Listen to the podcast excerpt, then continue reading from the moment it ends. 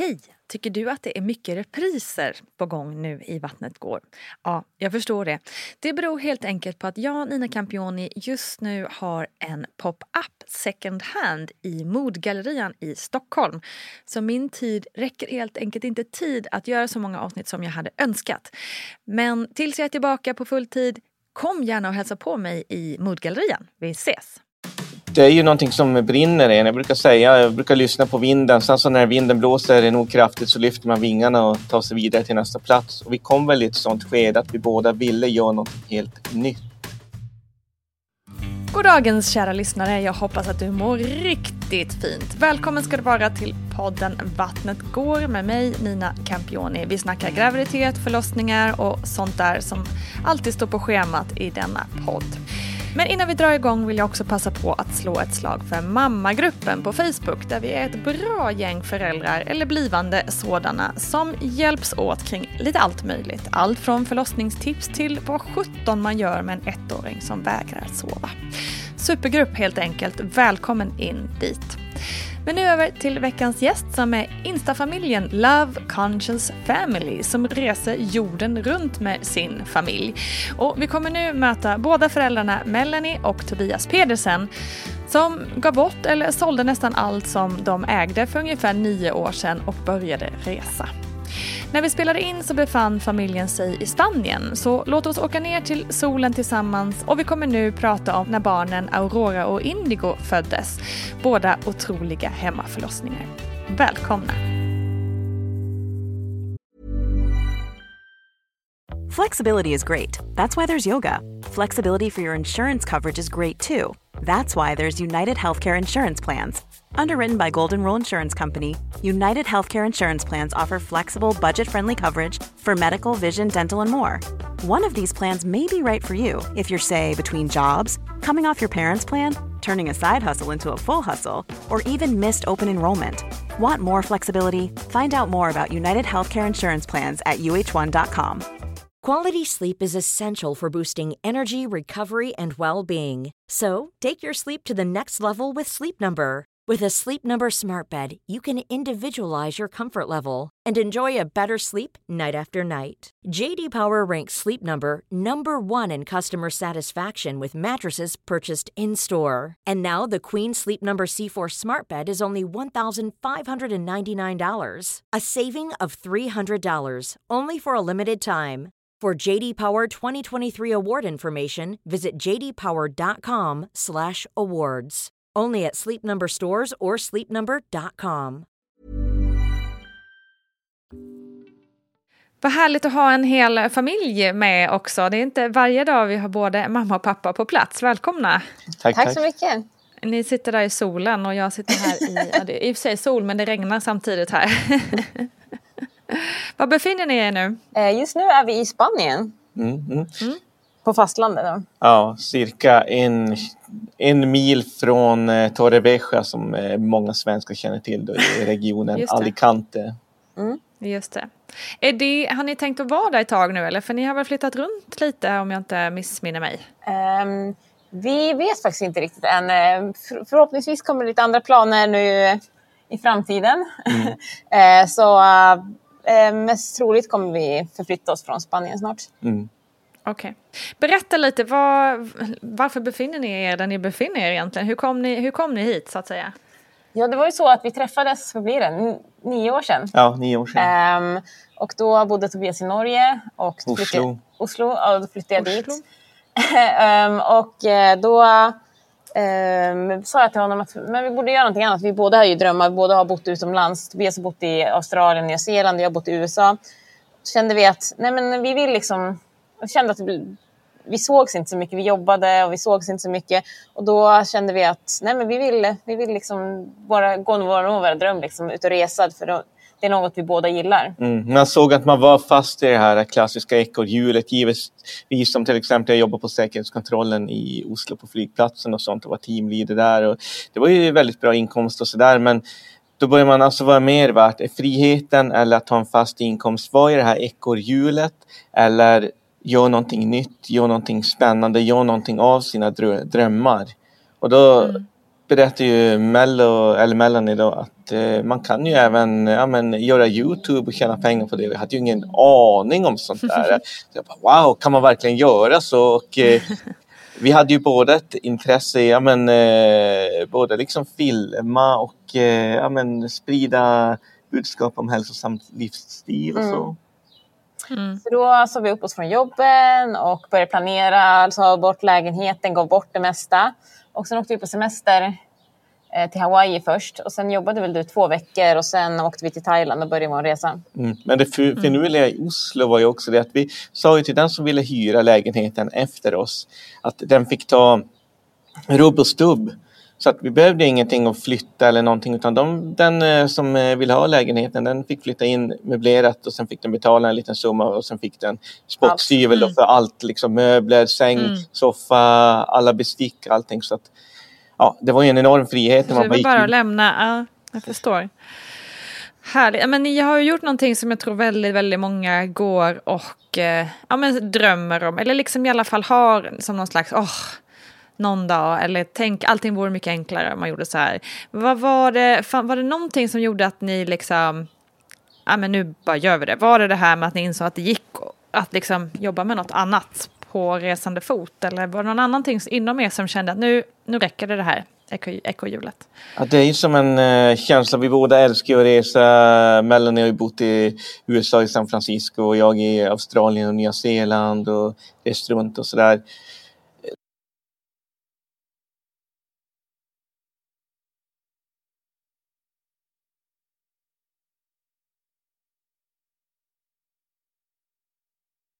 Mm. Man vill liksom inte vänta.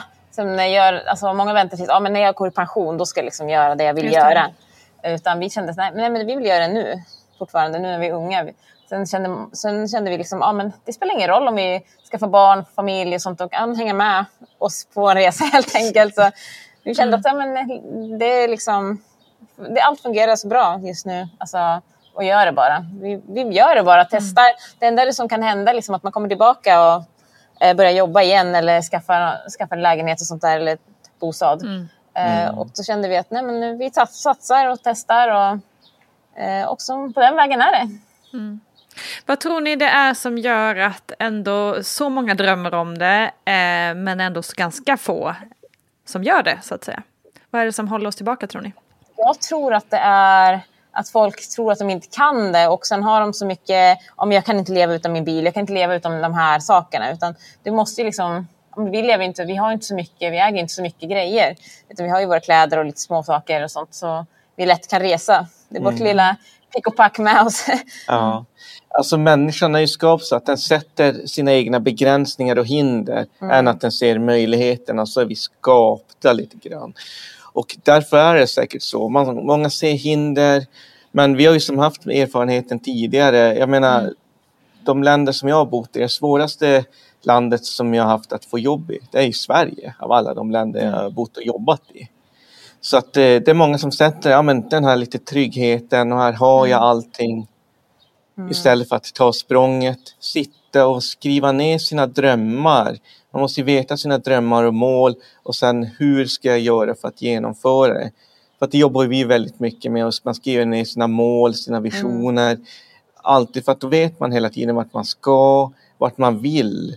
För det mm. gäller ju att veta sina mål, annars kan det lätt bli att du flackar runt och inte vet vart du ska. Utan det är så otroligt viktigt både på ja, men det personliga planet, på arbetsplanet, alltså i livet generellt. Mm. Mm. Sen tror jag många också tror att de har en viss dröm och sen är det inte egentligen vad de vill. Utan de har Just inte riktigt det. gått igenom de har inte riktigt gått liksom till sin punkt, alltså skrivit ner och så kollat vad är det jag vill. De kanske sett någonting, oh, men det skulle jag också vilja göra, fast det kanske inte är din dröm. Så, så uh, det är bra att liksom se vad, vad är det jag vill. Vad är jag vill. Jag, någon kanske är liksom, jag tycker om att vara hemma, jag tycker om att gå på bio på fredagar mm. och mm. sova i min säng. Då kanske inte, då kanske inte dens dröm att liksom, resa och bo på olika platser, utan de kanske tycker om, ja, men jag tycker om att ta min semester då och då eh, till olika platser. Exakt, det är en jättebra poäng. För det är ganska vanligt tror jag. Jag vet att jag har haft så i mitt liv också. Att man liksom applicerar andras drömmar eller andras liv på. Men det där verkar ju härligt. Men är det verkligen mm. Vad jag vill allra längst inne? Mm. Så verkligen. Det är något man får tänka över. Alla borde tänka över helt enkelt. Mm. mm. Hörni, ska vi gå in på den här poddens ämne då lite mer kanske? Um, var befann ni er när det började vara dags att liksom klura på det här med barn då? Ja, eh, det var ju liksom inget vi planerade egentligen. um, vi, jag har alltid sagt att jag vill ha barn. Tobias ville inte riktigt ha barn innan vi träffades. Um, men sen har du, ändrade du dig. Jag ändrade planen när jag träffade Mello, så det kanske är det där med att träffa den rätta för att det ska vara sådana signaler som man får. Just det. Men just då var vi väl på, i Sverige, eh, just den, när vi blev gravid med Aurora, mm. Eh, på besök. Och då trodde ju många att ja, men, Alltså vi berättade inte det så tidigt egentligen. Vi väntade ganska länge in i graviditeten innan vi berättade någonting. Men när vi väl berättade trodde ju alla att ja, men nu kommer de, nu kommer de liksom, eh, skaffa villa och bosätta ja, sig här. Och Lugna ner sig. Ja, det var härligt liksom. Nu blir äntligen liksom. Ja, vad var det för det var i juli vad vi berättade. Ju, det. Juni. juni Eller slutet av juni. Ja. Och Aurora skulle komma i november. Jul, I november, ja. ja. Eh, och sen, eh, ja, då hade vi redan när vi blev gravida, så, eller fick veta det. det tog, jag var nog nästan två, ja, två månader redan eh, innan jag fick veta att jag var gravid, eller visste det, för då började jag må okay. illa. Um, och då, då började vi planera, för vi visste att vi ville föda i Bali. För vi åkte väldigt tidigt när vi träffades till Bali eh, på resa. Uh, vi hade väl bara känt varandra en vecka eller något sånt. Uh, så åkte vi till Bali på resa. Och då kände vi att men här skulle vi vilja föda. Det kanske låter lite mm. konstigt att man väljer helt främmande plats på helt andra sidan jorden att föda barn. Men vi kände så här, ja, men här vi, kände, vi kände oss som hemma i Bali. Mm. Eh, och sen såg vi en födselklinik där och mm. allt kändes väldigt bra. Så vi bestämde, oh, men om vi någon gång ska få barn, då ska vi komma alltså ska vi föda på Bali. Så när jag blev gravid. Vi filmade ju därifrån och det var just då Bumi Sehat heter den och en jättefin eldsjäl, Ibo Robin Lim som har den där.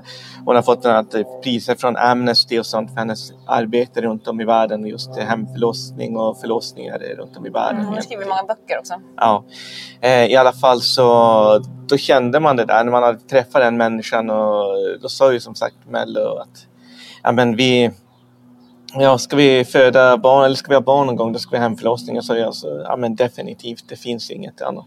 Mm. Du kände trygghet där då? Ja. Nej, men vi kände att det, liksom, det, det var någonting jag ville. Jag har aldrig liksom, jag har alltid liksom velat föda hemma sedan jag var liten. Jag bara, men det känns mer naturligt, eh, tycker jag. Just att föda hemma och jag skulle känna mig tryggare och skönare, liksom kunna slappna av bättre. Fast det blev ju inte hemma egentligen eftersom det var en helt annan plats på jorden. Men man hyrde på ett hus. Men det kändes ändå hemma för man hade bott där ett tag. Mm. Eh, och eh, då när jag blev gravid, eller när vi upptäckte att jag var gravid, eh, så började vi planera att vi skulle åka då till Bali och föda och börja planera.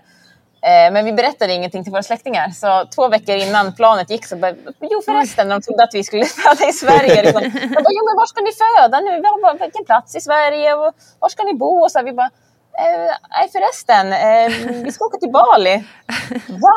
Och det här var ju i samtidigt som, jag vet inte om många av er eh, lyssnare minns, det var ju sånt här eh, vulkanutbrott. Så det var exakt samtidigt ja. som vulkanen var aktiv på Bali. Åh oh, hjälp! Ja oh, gud, hur reagerade man på det då? Ja, det var ganska skönt för det var inte så mycket folk i Bali.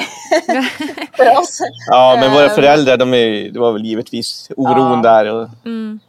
Så man förstår ännu mer när man är förälder själv nu hur Just de det. kanske tänker. Mm. Mm. Så då åkte vi två månader innan Aurora var född, åkte vi till Bali och började leta efter villa. Ehm, eftersom vi ville ha den perfekta villan så tog det väldigt lång tid. Vi trodde inte det skulle ta så lång tid. Så en månad innan Aurora född då, flyttade vi in eh, i villan där vi skulle föda. Eh, och började planera själva alla produkter och allt vi skulle ha. Sen var det också, de hade, jag tror de hade bara två födselpooler, eller någon, det var mm. något sånt. Eh, och då var den ena var inte så bra och den andra var upptagen för det var hon som födde innan oss. Eh, det tog, vad var det, 58 timmar eller något sånt var hon i förlossning. Mm. Um, och då fick vi precis födselspoolen, jag tror det var, var det dagen innan Aurora ja. född. Aurora gick två dagar över, så det var tur att hon gick två dagar Wow. Var det, kändes det nervöst eller? Ja, det var lite nervöst där för att mm. allt var inte liksom fixat än Nej. in i det sista. Så det var väl det mest nervösa i det hela, men allt gick ju bra till slut. Mm. Hur förberedde ni er? Liksom? Hur, Tobias, hur förberedde du dig som liksom den som ska stötta och hur förberedde du dig, Melanie?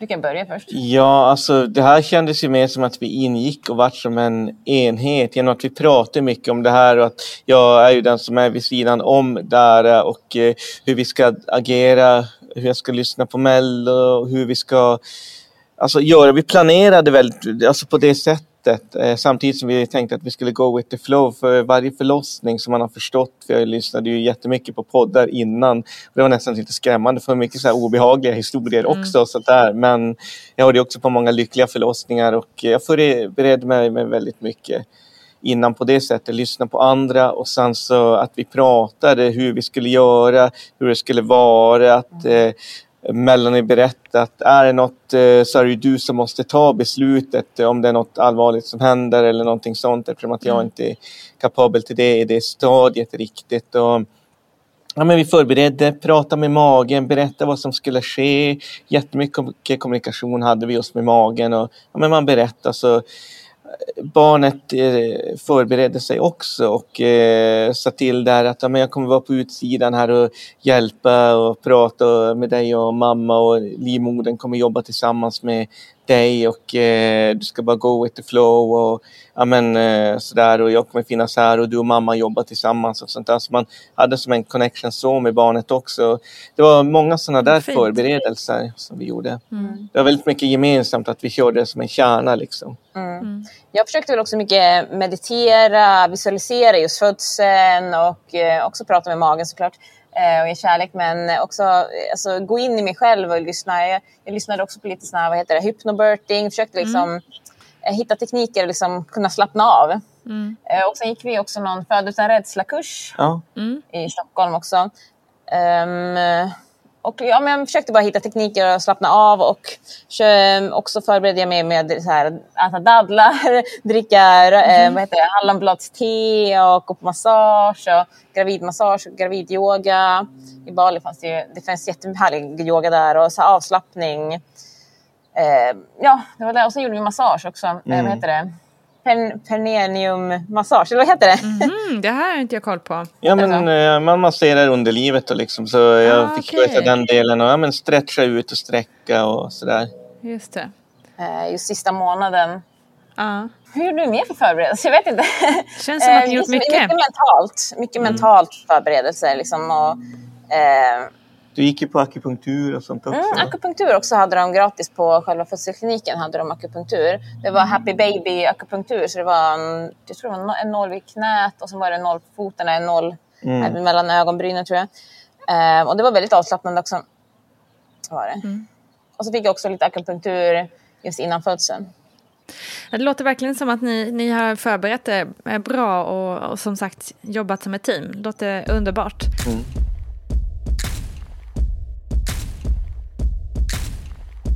Okej, då får du ta med oss, eller får ni ta med oss här till när det börjar dra igång. Hur kände ni då? Eh, ja, det var kvällen innan, så um, det hade gått en dag över då tiden, eller egentligen mm. ja.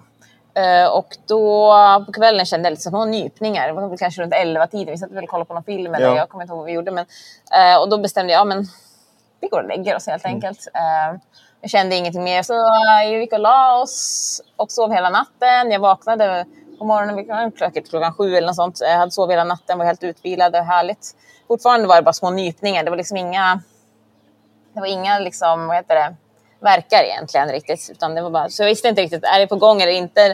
Eh, med slemproppen, hade, den gick också på kvällen. Där, innan. Det måste väl vara det när blödningen kom där? Ja, slemproppen gick eh, på kvällen innan där också. Eh, men det var fortfarande inga verkar och vi åt frukost, vi tog en liten promenad, gick fram och tillbaka. Eh, och sen kom ju hon, Robin Lim, hon som har födelsekliniken och en barnmorska. Det roliga var att vi skulle ha två barnmorskor i Bali. En från Kanada och en hon som för, har födelsekliniken. Men just då var det också en svensk tjej som var mm. volontär just under den tiden. Så hon frågade okay. om hon också fick vara med. Så vi hade tre barnmorskor under wow. vår förlossning. Lyxigt.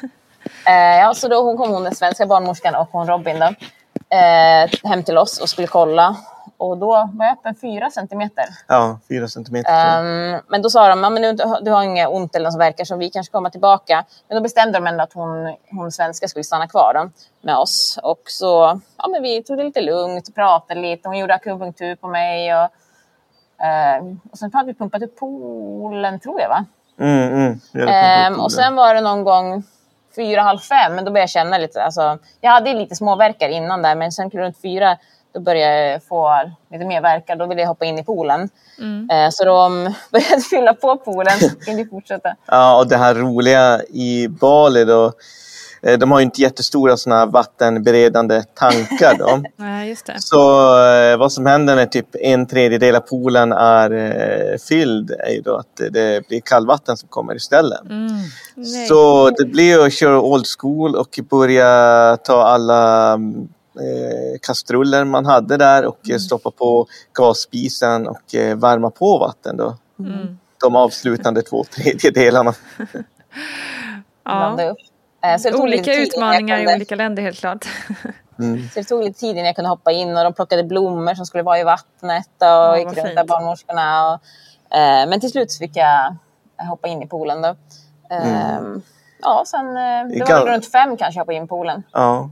Och sen så drog ju regnvädret in. Det var ju fullt regn och åska större delen av kvällen. Ehm, och då var ju barnmorskorna mest i, vi hade två sovrum, så ena sovrummet var de mest och ehm, åt snacks helt enkelt. Och vi var där ute mest, sen ropade vi ibland och ibland kom de och kollade. Men, eh, för vi hade gjort så, vi hade sovrum, sovrum och sen var, emellan var det typ så vardagsrum, kök som var halvt ute. Men det var under tak men det var halvt ute så det var där vi hade satt i födselpoolen. Och så hade vi utsikt mot eh, vår pool och trädgården då. Ehm, och eh, mitt under förlossningen så gick också elen. Det är ju så här i Bali att det är samma som med vår mobiltelefon här att när man har kontantkort att man toppar upp den då när det är slut på kontantkortet. Eh, lite samma med elen då så helt plötsligt där så var det bara becksvart allting för det var ju eh, skymning, allt hade skymt. Eh, Så det enda man hör det är ju att det var ett eh, eh, hinduistiskt tempel. Jag tror det var Vishnu, den hinduistiska guden Vishnu som de hade någon eh, speciell ceremoni där för. Och de höll ju på i en hel vecka och bara chantade eh, hela, alltså dag och natt. Så det enda vi hörde det var kolsvart och dag, eller så, det enda man hör är det här eh, de här eh, hymnerna från eh, det hinduistiska templet och de olika mantran som kommer därifrån. Och, så det var väldigt så här, stämningsfullt. Men Ja. och barnmorskan sände ju levande ljus och sånt. ja. Och du Ja, det ringde låter till- jätteroligt. jag ringde, han bara, vi är eh, in the middle of a birth, liksom eh, i mitten på en förlossning här, någon måste komma. Och, då kom ju en av arbetarna där, av han vi hyrde av och ja, men, toppade på mobilen då, så att, eh, eller toppade på elen. Ja, Så just då fick vi ljus igen. Ja. Jag kanske skulle behövt eh, vad heter det, elen till någonting så det var därför vi... Ja men precis, man det fattar var- att det är viktigt att ha, men det lät ju otroligt mysigt också. Ja, det var väldigt eh, mysigt Att få faktiskt. vara i den stunden ett tag. Ja. Ja. Men då blir det verkligen, det känns som att du då, eh, pappa Tobias, ändå fick vara ganska hands-on på många olika sätt Ja, under den här förlossningen. Ja, och, och, och på det också skulle Tobias filma också hela förlossningen. För vi filmade den också till vår YouTube-kanal. Så han skulle filma och vara med mig och eh, fixa allt det där. Och hämta kokosvatten. Och jag bara, du går ingenstans! Så jag Och ändå skulle jag hämta kokosvatten och sen skulle, försökte jag få skulle jag äta där lite frukt, lite jackfruit och sånt. Och... Ja, det var ju svårt där. Så att, eh, Så låg jag där i poolen och verkarna och sånt. Um, barnmorskan satt i andra rummet och åt snacks. Eh, men eh, sen, eh, ja men runt fem då började det göra ont. Eller halv fem, fem. Ehm, och sen, ja men då jobbade vi på eh, där. Jag försökte slappna av varje verk som kom och bara ta det lugnt. Ehm, och sen är väl Aurora född 21 och 22. Mm. mm. Så vad blir det? Från, ja, men runt klockan fem till 21 var det väl lite mer hårdare verkar. Ja. Mm. Men hur kände du, var det liksom, var det någon gång du ångrade att bara fanken varför gjorde jag det här hemma, varför är jag inte på ett sjukhus där jag kan få epidural? Just i stunden tänkte, då var man så här, det, det var en så upplevelse nästan som man såg sig som man stod bredvid poolen och såg på sig själv föda. Det var som en eh, jättekonstig upplevelse, eh, verkligen, en, en tid i förlossningen. Det är som man såg på sig själv, bara, men, ja, men där ligger du. Ehm, eh, men det var, jo självklart, jag tror alla har en sån, var- vart man än föder tror jag, att man har en punkt där man bara shit, Åh, jag tror, alltså, det här funkar inte. Man säger bara, Nej. ja, nej, jag, jag, vill liksom, jag vill inte längre, utan nu, jag orkar inte, nu, nu är det slut på det här. Mm. men men det gick ändå hyfsat snabbt och ändå bra. Och Aurora, hon, alltså vattnet gick ju inte. Så hon eh, kom ju ut i, vad heter det? Säcken i kaos. Segerhuva. Ja, ja. segerhuva. Wow. Um, så de tog ju bort först hinnan liksom på henne. Uh. Sen fick jag upp henne på bröstet då när hon var född. Hur var den mm. känslan? Uh, ja, det var, det var väldigt härligt fast uh, just innan när vi var i poolen så när just huvudet kom ut så kom det mycket blod så de var tvungna att ta, ta mig från poolen då mm. med huvudet hängande utanför Auroras huvud ja, mellan benen. Vi visste inte alls vad som hände utan de eh, började, ja, Melle måste upp på poolen. Eh, du sätter dig här, eh, de tog upp eh, Melanie på en soffa då som, och sa att du sitter här och sen håller den i handen, så håller den i ögonen och så där. De förklarade aldrig riktigt vad som hände. Mm. Vi förstod mm. att det var något skumt där. Mm. Så att, eh, men det gick ju bara några sekunder så kom Aurora ut igen. Okay. Eh, och då slutade det blöda. För de var ju rädda att, att det skulle ha hänt någonting. För då, därför var de tvungna att ta mig bort mm. från poolen. Så de, för de ser mm. inte hur mycket blod som skulle komma i vattnet när det alltså, åker ut. Så, Nej, just det. Eh, men eh, de sa bara att min kropp var så redo att föda. Eh, så liksom, sen efter, direkt efter Aurora hade kommit ut så kom ju moderkakan också. Mm. det dröjde inte, jag vet inte om det kom nästan direkt. Ja, det var typ direkt. Um, okay. Men vi såg ju aldrig hon kom ut där genom att eh, Mello låg som på huk eller framåtlutad på mm. soffan och jag stod och mm. kollade på Mello och liksom strök hon på håret och, eller på, mm. i ansiktet. Sen fick jag upp henne på rösten men just då när jag fick upp henne så var man väldigt så här yr eftersom man hade förlorat lite blod. Eh, så var jag yr och så jag bara, jag måste nästan sova. Jag kände mig så här, jag försökte hålla mig vaken liksom, fast jag liksom Eh, var jättetrött. Men sen eh, gav hon, eh, hon som hade födelsekliniken en bit av moderkakan. Jag fick skulle svälja och sen ta en mhm. daddel efteråt. just för att det hjälpte till att få liksom, järnvärdena upp och allt sånt där. Mm. och att det var bra för kroppen och sånt. Wow. och då gjorde jag det och sen fick jag lite mat och sen låg Aurora säkert på mitt bröst säkert av en timme innan mm. ens vi kollade om det var tjej eller kille.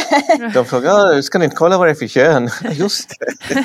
Jag var ju så tagen av stunden. Ja, alltså, så imponerad av eh, Melanie, vilket fantastiskt jobb hon gjorde. Alla kvinnor alltså, som föder barn, alltså, när man har sett det här, alltså, vilken urkraft. Alltså, det bör lyfta på hatten till alla kvinnor. För det, mm.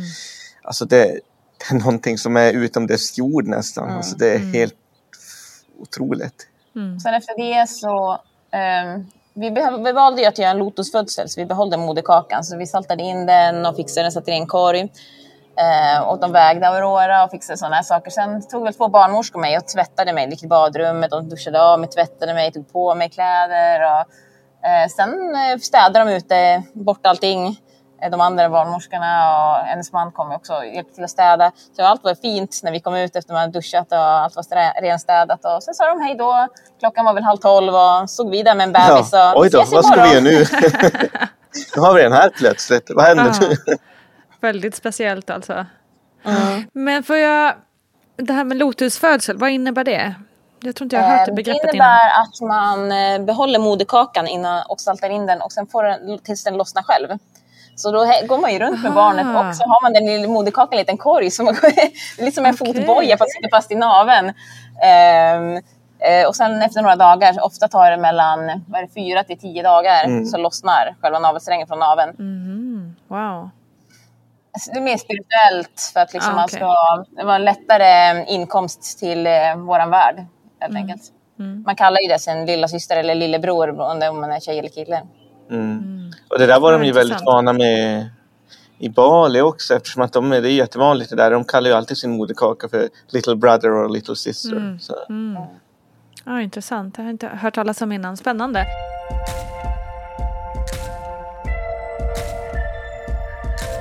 Du Tobias, jag tänkte också, hur, hur, upplevde du det liksom nu? Du hade ju förberett dig väl och så, men att ändå vara där bredvid och liksom absolut kunna hjälpa men ändå inte kunna liksom, ta bort smärta eller du vet den känslan. Hur, hur, hur, upplevde du, hur upplevde du den här förlossningen?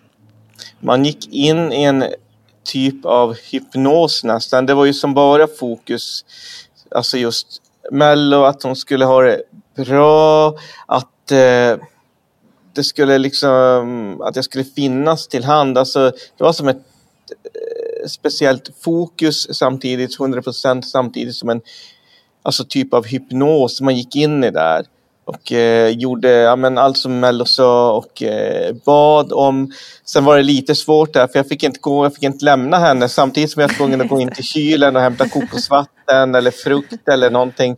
Eh, och så där. Det var ju en speciell situation. Sen frågar man ju barnmorskorna ibland, ja, men är det här normalt? Eh, ska det vara så här? Ja, ja, jag satt de där och käkade snacks bara liksom. Att det var de var avslappnade. ja.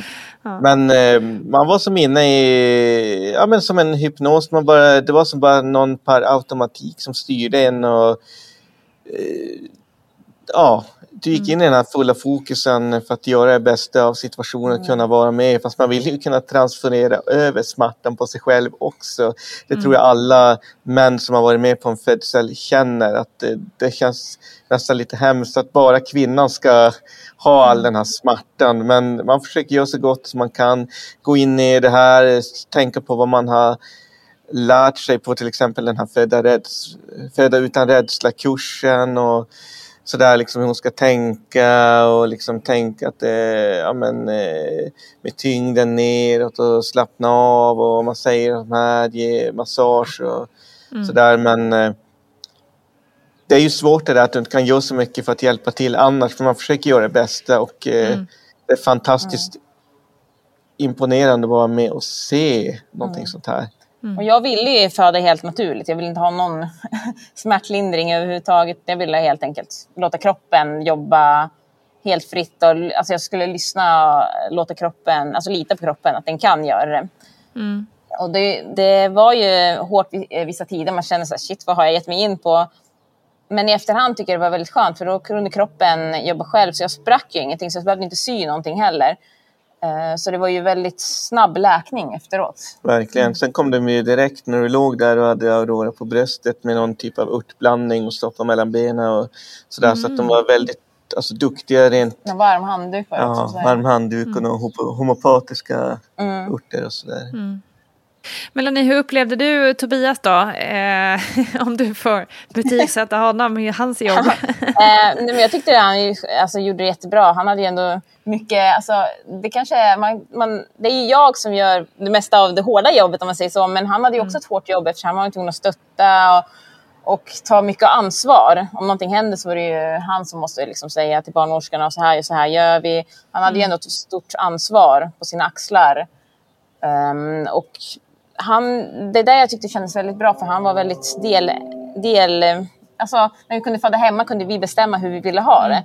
Så han var ju väldigt delaktig i hela förlossningen och eh, efteråt och kunde vara nära och se allting och vara med och hjälpa till. Eh, så det var, men det jag tyckte det var väldigt härligt och trevligt att ha någon man litar på eh, så nära sig.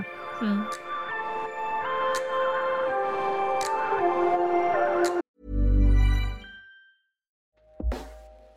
Hey everyone, I've been on the go recently Phoenix, Kansas City, Chicago. If you're like me and have a home but aren't always at home, you have an Airbnb. Hosting your home or a spare room is a very practical side hustle. If you live in a big game town, you can Airbnb your place for fans to stay in. Your home might be worth more than you think. Find out how much at airbnb.com/slash host. Want flexibility? Take yoga. Want flexibility with your health insurance? Check out United Healthcare Insurance Plans. Underwritten by Golden Rule Insurance Company, they offer flexible, budget friendly medical, dental, and vision coverage that may be right for you. More at uh1.com. Quality sleep is essential for boosting energy, recovery, and well being. So take your sleep to the next level with Sleep Number. With a Sleep Number smart bed, you can individualize your comfort level and enjoy a better sleep night after night. JD Power ranks Sleep Number number 1 in customer satisfaction with mattresses purchased in-store. And now the Queen Sleep Number C4 smart bed is only $1,599, a saving of $300 only for a limited time. For JD Power 2023 award information, visit jdpower.com/awards. Only at Sleep Number stores or sleepnumber.com. Confidence starts with loving who you are. And when your skin feels nourished and glows on the outside, you naturally radiate confidence from the inside. Give your skin a glow up with Osea's clinically proven Mega Moisture Duo. This ultra hydrating body care features two of Osea's best sellers, Undaria Algae Body Oil and Undaria Collagen Body Lotion. These seaweed powered heroes use skincare level ingredients normally reserved for your face for results you can see and confidence you can feel. Osea has been making clean, clinically proven seaweed infused face and body care products for over 28 years. This luxurious skincare is vegan, cruelty free, and climate neutral certified, so you never have to choose between your values and your best skin. Glow from the inside out. Get 10% off your first order with code GLOW at OseaMalibu.com. That's O S E A Malibu.com code GLOW.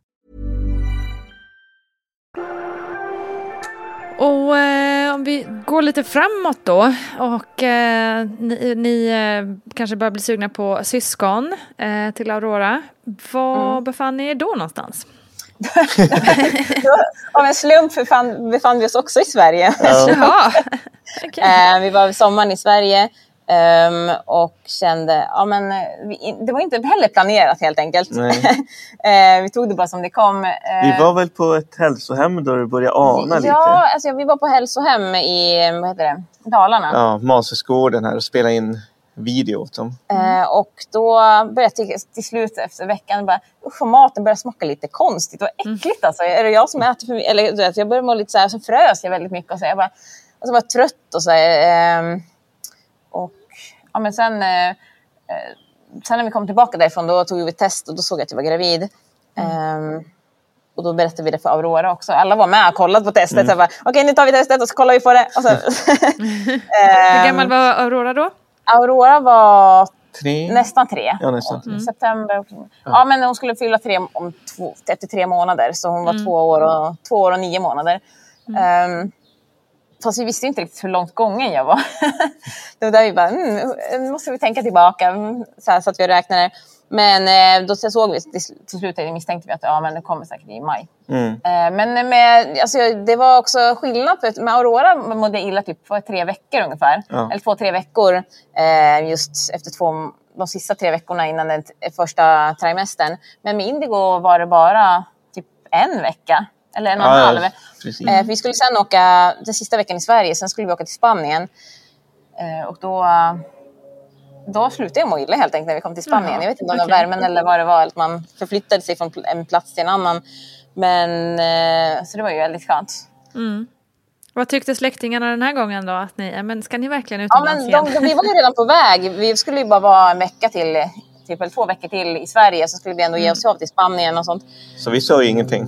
Nej, nej. så vi, vi berättade faktiskt på julafton. Eh, skickade vi foto. God jul, här kommer en julklapp som kommer i maj. Ehm, så det, vi hade tagit en bild på stranden, vi låg där Aurora låg och pussade magen. Och, så vi berättade också ganska sent Mm. eh, att jag var, eller vi skulle få barn. Eh, och de blev ju jätteglada. Men då visste de ju redan att ah, men de kommer föda utomlands. Det är inget, Ja. inget snack om saken längre. Just det. Vad kände ni då? Var det Bali som suktade igen eller kände ni att ni ville stanna i Spanien då? Vi, vi kände, alltså vi ville åka till Bali, men då var ju gränserna stängda och vi Just det, det är ansökte- klart. Pandemivärlden. Ja.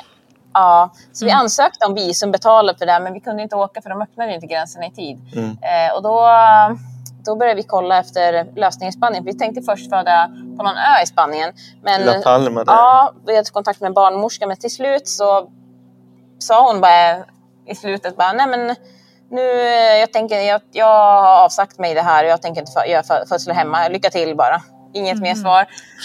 Um, så tur att vi hade vi inte bokat flygbiljetter än. Ehm, så då frågade vi en som vi um, kände som gjorde kombucha om han visste något, för han var från Spanien och hade varit i Bali. Och då, då skickade han en länk där det fanns alla i Spaniens som för hemmafödsel, eh, alltså alla som gör hemmafödslar. Och då skrev vi mail till allihopa som hittade mail till. eh, Men det var bara en som svarade och det var hon, eh, vår barnmorska. Ja.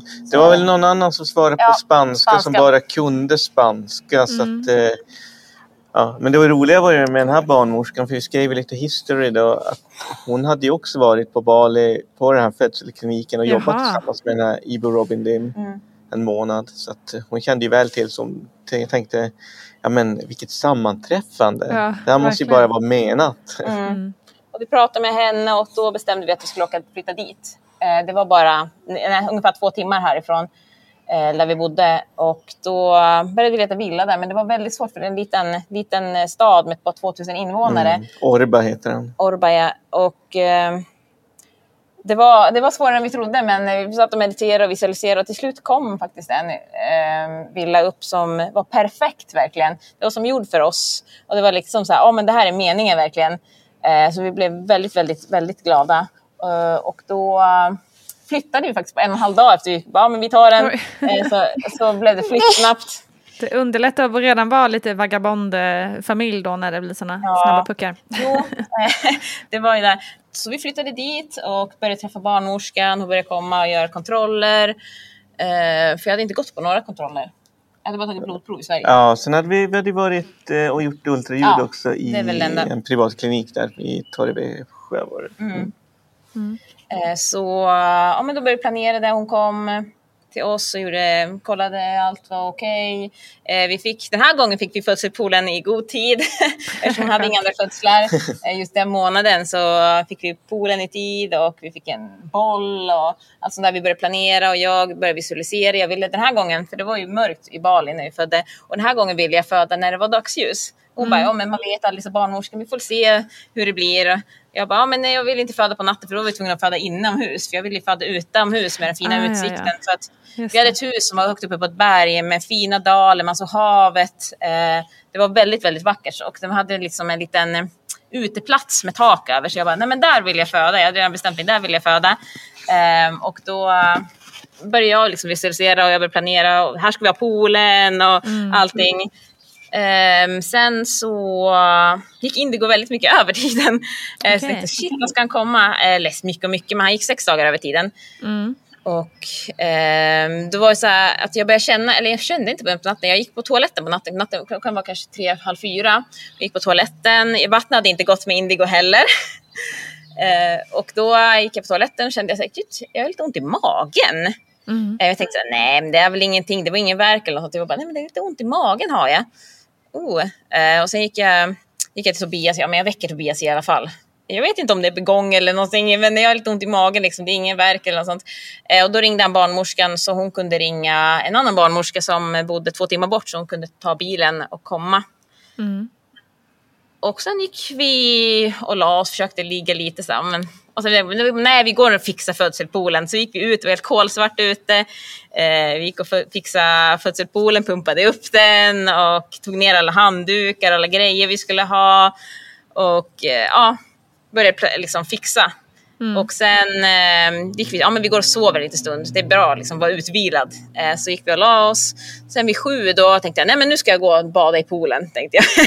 då hade jag först klockan några verkar, då hade jag fem, fem eh, minuter mellan verkarna. Så det var ingen så här, eh, alltså det var bara jättelätta verkar. Det var lite små nypningar man kände, alltså det var inget som gjorde ont. Man kände att det var liksom, lite, magen blev lite hård. Och då gick jag badade i poolen, tog några verkar i poolen, simmade några varv.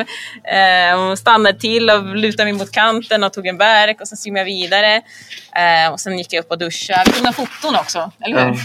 vi, bara, "Ah, vi måste ta foton, sista fotbilderna på magen. liksom. upp, i sol, upp i soluppgången, liksom. det här blir magiskt. Liksom. Stod vi där och en verk, bara, "Ah, vänta lite, jag måste vänta lite.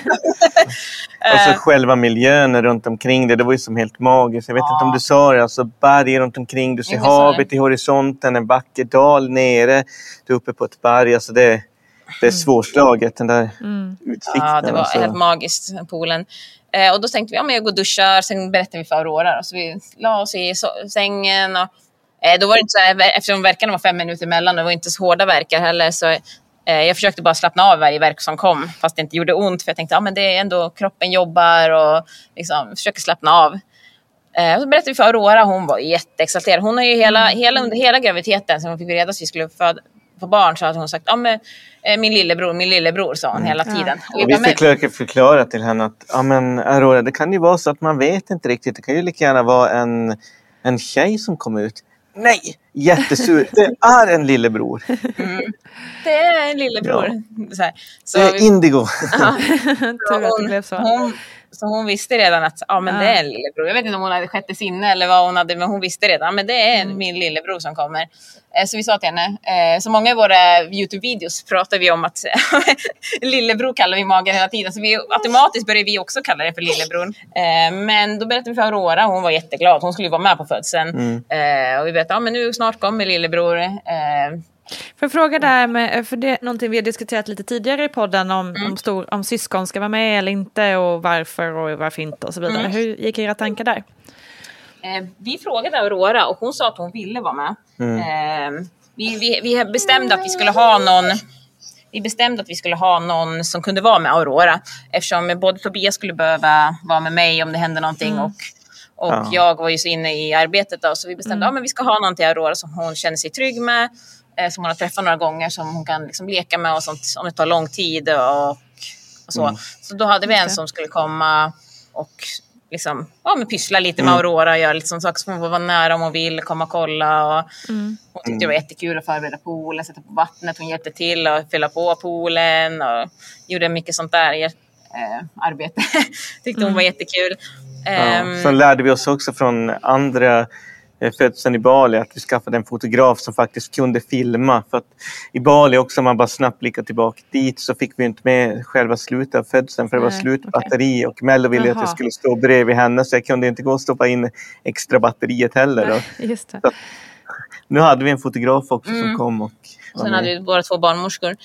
Eh, och då ja, men vi berättade till Aurora och hon var jätteglad. Eh, och sen pratade vi också med hon som skulle komma med Aurora, fotografen, att de skulle komma i tid. Och sen gick vi och gjorde frukost, satt oss frukost, hade det mysigt, satt där och åt eh, frukost. Och sen tänkte jag, men, eh, så tänkte vi, ja men vi går en promenad runt kvarteret. Det är liksom högt upp dalar och sånt där. Men när jag hade knutit på skorna, jag bara, nej, det här går inte. Och klockan var då nio, lite över nio va? Ja, alltså det var någonting helt annat än vi såg förra födseln. Det kom ju som i lugn takt, Mm. stegrade uppåt. Det här var bara att de böjde sig ner och knöt skorna så, så bara var det som att vrida en switch. Så kom eh, det otroligt mycket mer kraftfulla verken. Jo, det kom mycket mer kraftfulla verkan. Häftigt. Och jag, jag tog på mig skorna och sa jag bara, nej jag klarar inte av, vi går runt huset bara. Vi går runt huset ett varv. Du bara ringde barnmorskan, du, jag vet inte om ni måste komma redan nu. så, ehm, så vi gick runt poolen ett varv. Eller runt poolen, ett varv, huset ett varv. Och jag bara, åh, jag bara i trappen, jag bara, åh, jag vet inte, för det var så här trappor ner runt huset, sen upp, för det var i sluttning av ett berg, så det var lite trappor på båda sidorna av huset. Jag bara, åh gud, nu börjar det ont. Ehm, klockan, ja, men klockan var väl sen, ja, men klockan kanske var klockan halv, halv tio Mm. halv tio då. Eh, och då gick vi ner till eh, pool, alltså där vi skulle föda då, födseldelen och låg där och eh, slappnade av lite. Jag låg där på huk och lite så här. Och sen ringde vi, ja men nu får ni komma. Så skrev vi nu, nu, nu, nu får ni börja komma. Och då kom ju barnmorskan, var det typ eh, 9.50, typ 9.45 eller något sånt, Mm. kvart i tio. Eh, och då började jag fylla på poolen eh, och sånt. Och jag hoppade väl i poolen Ja. runt Samtidigt då efter just när de hade kommit så började det också komma blod. Då, så att jag vet inte om det var då slemproppen gick men det kom ju lite mer blod än... Mm, eh, för den här gången förr. hade inte slemproppen heller gått. Utan det var helt... Eh, så det kan vara då slemproppen gick också. Eh, och då, då frågade jag, är det här bra? Hon bara, jo men det är ingen fara liksom. Det är bara att hoppa i poolen. Så barnmorskan då. Hon kollade först hjärtljuden och allt var eh, bra. Hoppade i poolen. Och precis när jag hoppade i poolen då blev det... Du vet, så då kom liksom... Eh, så eh, då kom redan de här sista Krystvärkarna. Alltså, igång och jag bara, vad är det som händer? Jag bara, alltså, vad är det som händer? Hon bara, jo men alltså, det är dags snart. Jag bara, va? Dags? Jag, bara, jag, tänkte, jag tänkte att det skulle vara så fem timmar liksom, i poolen Ja. igen. Liksom. Så jag bara, va? Redan? Sen eh, efter några krystvärkar så, eller efter några, ja så var ju, kom ju kom, kom huvudet. hu- huvudet ut. Jag kände bara whoop, som en hiss som åkte ner. Whoop, kände jag att barnet bara åkte ner. Eh, och sen han kom ut med ena handen på huvudet. Så, i, så i videon ser man, det är ingen som barnmorskan sa till mig, men i videon ser man att jag vrider på mig. Och hon sa att efteråt sa hon, det var bra att jag vred på mig för det var lättare för honom att komma ut. Men det var någonting kroppen gjorde automatiskt. Just det, jag- den jag bara kände med att nu måste vi göra Ja. så här. Ja. Ah, coolt. Eh, och så var jag i poolen där och sen vred jag lite på mig och sen kom huvudet ut. Sen sen efter, det, efter andra verken så kom ju kroppen också ut. Så tog jag plockade Ja. bara upp honom i poolen och la honom mot mitt bröst. Eh, och då visste vi inte heller om det var pojke eller flicka, men vi kollade efter en stund. Sen, ja, för att hon som skulle kolla Aurora, hon hade ju precis kommit när jag skulle hoppa i poolen. Kom precis då. Så, och typ fem minuter efter hon hade kommit så bara Aurora kom hit nu, kom hit nu, snart är det. Och alla var helt förvånade. Bara, Va? Kommer det redan? Hon, som, hon hade ju liksom avbokat allt över hela dagen för att hon skulle Ja, liksom just det. göra det här. Och, eh, så han är född 10.24 på morgonen. Oj, shit. Ja, då var Så det det verkligen... verkligen- eh, Alla hann fram precis i tid.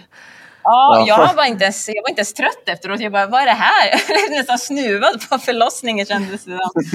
Ehm, ehm, och då låg vi i poolen säkert över en timme Ja, mer ja. eh, i poolen. eh, Och eh, var bytte handdukar och sånt, så det var väldigt mysigt. Sen till slut så bara, men Aurora kom så kollar vi, så var vi alla kolla ihop liksom. Men det är ju en kille! Så Aurora var, Aurora sa hade rätt. det. Ja, så hon var jätteglad och... eh, Vad sånt. tyckte hon om förlossningen då? Alltså det gick ju så snabbt så hon var ju inte heller, hon bara åh titta huvudet kommer! Så, jag, inte, du kände på huvudet, jag kände Ja. på huvudet men jag tror inte Aurora kände på huvudet. Mm, nej. Ehm, så, eh, så han kom ju också ut i segerhuvud fast vattnet sprack när hans huvud kom ut. Då, Okej. Eh, då gick vattnet. Ehm, Men eh, sen gick- flyttade vi bara, vi hade så här stort uteplats så vi flyttade bara ut på en madrass vi hade och sen vid fina utsikten där och de kollade allt. De satte på någon sån där, de blandade med lera och såna örter och och grönlera va? och satte du på magen efter födseln. Eh, Just för att det var bra eh, verk. Och då åt jag också sen också en bit av moderkakan. Eh, och så saltade vi in den. Vi gjorde en lotusfödsel den här gången med. Eh, och satte in den i en liten korg. Och så jag låg där med Indigo i väldigt länge i famnen. Och sen fick väl du... Nej, sen skulle vi väga honom igen. Mm, mm. Ehm, och efter det så, eh, så fick, då hängde de med mig och duscha och fixa i ordning mig också. Det är det som jag tycker är bra med hemmaförlossningar. För alltså, du får så mycket... Otroligt bra service, Service, och ja. omhändertagande. Att de, de har bara den här födseln att fokusera på. De har ingen som har i bakhuvudet att oj, nu ligger en på tvåan och en på trean Ja, också det. som man kanske måste gå in till eller någonting Så sånt. de kunde bara 100% fokus. Mm. Eh, barnmorskan hann ju inte vara där länge ändå. Ehm, men det var ju bra att de var där också. För det är, säkert hade man kunnat föda utan barnmorskor också, men det är just den här eh, eftervården tycker jag. eh, det tycker jag tycker är viktigt att de ser att allt det stämmer och allt är okej med barnet och allt sånt. Ehm, Apropå det du sa där Tobias, måste det också vara så otroligt givande för dem att få jobba på det viset. Att liksom i lugn och ro få assistera och hjälpa en kvinna eller en familj. ehm, Istället för att hetsa runt liksom, som, som det ser ut så mycket på framförallt svenska förlossningsenheter. Ehm, Och sen nu också när det är pandemin och sånt var vi, alltså för i Sverige så visste man ju inte om de skulle få vara med, alltså partner och sånt där. Eh, Så vi kände att det var väldigt guldläge och sen eh, ingen behövde mask, inga så restriktioner, allt var väldigt fint och alltså fin utsikt och allt var jätte, jättemagiskt verkligen. Eh, och så låg vi där och du fick föda i dagsljus. Ja, jag fick föda i dagsljus. och det var så underbart. Ehm, jag trodde verkligen inte att jag skulle bli innan lunch ens. Alltså jag trodde bara, men det blir väl mot kvällen ändå, liksom eftermiddagen kanske runt fem eller något sånt. Ehm, så det var väldigt eh, för vi skickade foton när det var igång till våra föräldrar. Okej, nu är det igång. Och sen en, typ en halvtimme efter. Okej, nu har han kommit. Så de bara, va? Vad hände? Min mamma sa ju också, hon visade på jobbet, ja men nu är det igång. Och sen kom hon ut efter hon hade tagit en patient och bara, okej nu har han kommit. De bara, va? Redan? de var helt, också helt chockade. Ehm, men så äh, vägde de honom och så fixade lite i ordning, städade upp allting och fixade helt i ordning allt. Ehm, och sen åkte de också. Så låg vi, jag, jag och Aurora och Indigo, och vi, du också, men du gick och hämtade lunch och fixade mat och sånt där. Men vi låg ute hela dagen i den där uteplatsen och kollade på den magiska utsikten. Han låg hud mot hud hela dagen. Vi hade bara en filt eh, på honom och det var jättemagiskt hela dagen. Sen när det började skymma, då gick vi in. Först då gick vi Gud, in. det låter helt underbart. Man blir nästan helt... eh, man känner igen den här också känslan av att ha den här nyfödda bebisen hud mot hud. Det är en otrolig känsla. Hur upplevde du då Tobias den här förlossningen jämfört med, den- med den första? Ja, det var ju kan man säga ganska mycket som natt och dag, literally också, som det var. Alltså, man hann ju knappt med, just att det var så lugnt där i början. Eh, Jag hade natt- inte ge någon support nästan till mig Nej, i mm, poolen när jag var i poolen för det kom gick så snabbt. Du Ja. fixar ju bara in i vattnet i poolen, sen bara plupp in och sen...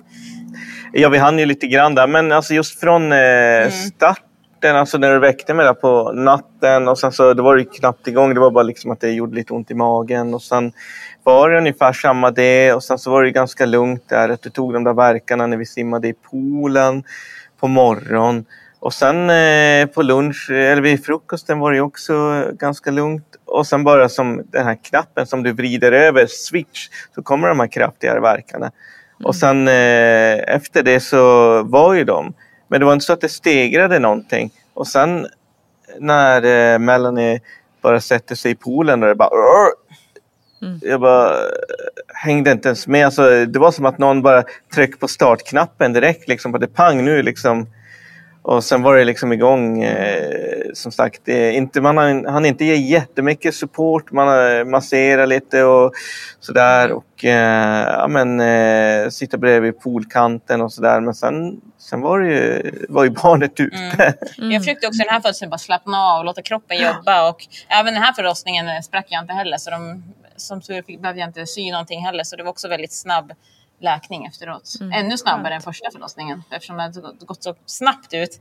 Så eh, alltså, jag, efter några dagar var jag som på banan igen. Men jag trodde inte alltså, att man kunde föda barn alltså sådär snabbt. Man har ju sett på Youtube och sånt där att det går snabbt men det där var ju helt, helt enormt. Alltså hur, hur det kan gå så snabbt jämfört med hur det var eh, gången innan. Att det var inte utdraget ska jag säga men det var ju mer intensivt en längre tid. Där vi mer jobbade som eh, ännu starkare kärna genom att det var så länge. Här hann vi bara typ bilda kärnan och sen säger det plopp som Aurora säger. Plopp och sen var barnet ute. och sen, eh, vad var det de sa också där? Mamma kolla på din mage eller någonting sånt efter eh, barnet kom ut. Det var så gulligt.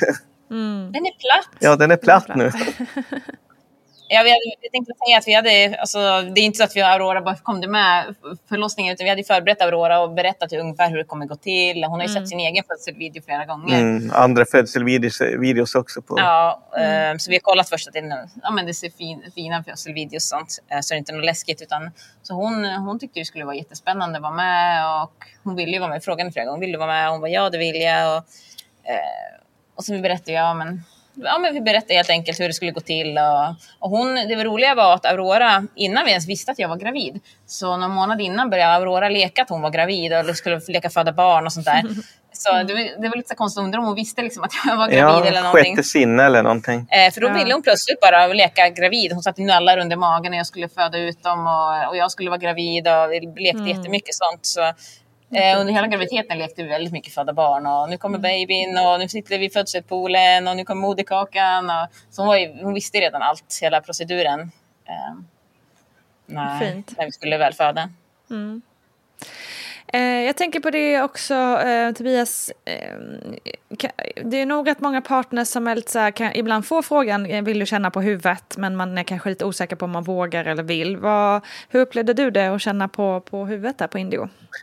Ja, det var något som var helt enormt eftersom att jag eh, hade ju velat känna på huvudet även på Aurora men vi såg inte ens när Aurora kom ut. Här fick man verkligen se när ett barn kommer ut, känna på huvudet och där är det där lilla livet som vi har skapat. Och det var ju alltså fascinerande när man tar på huvudet och man liksom känner bara en enorm kärlek som strömmar genom kroppen. Alltså det, det, det var alltså utom dess jord nästan höll jag på att säga. Men det var fantastiskt. Jag tror inte det går att beskriva ens utan det är någonting man måste uppleva.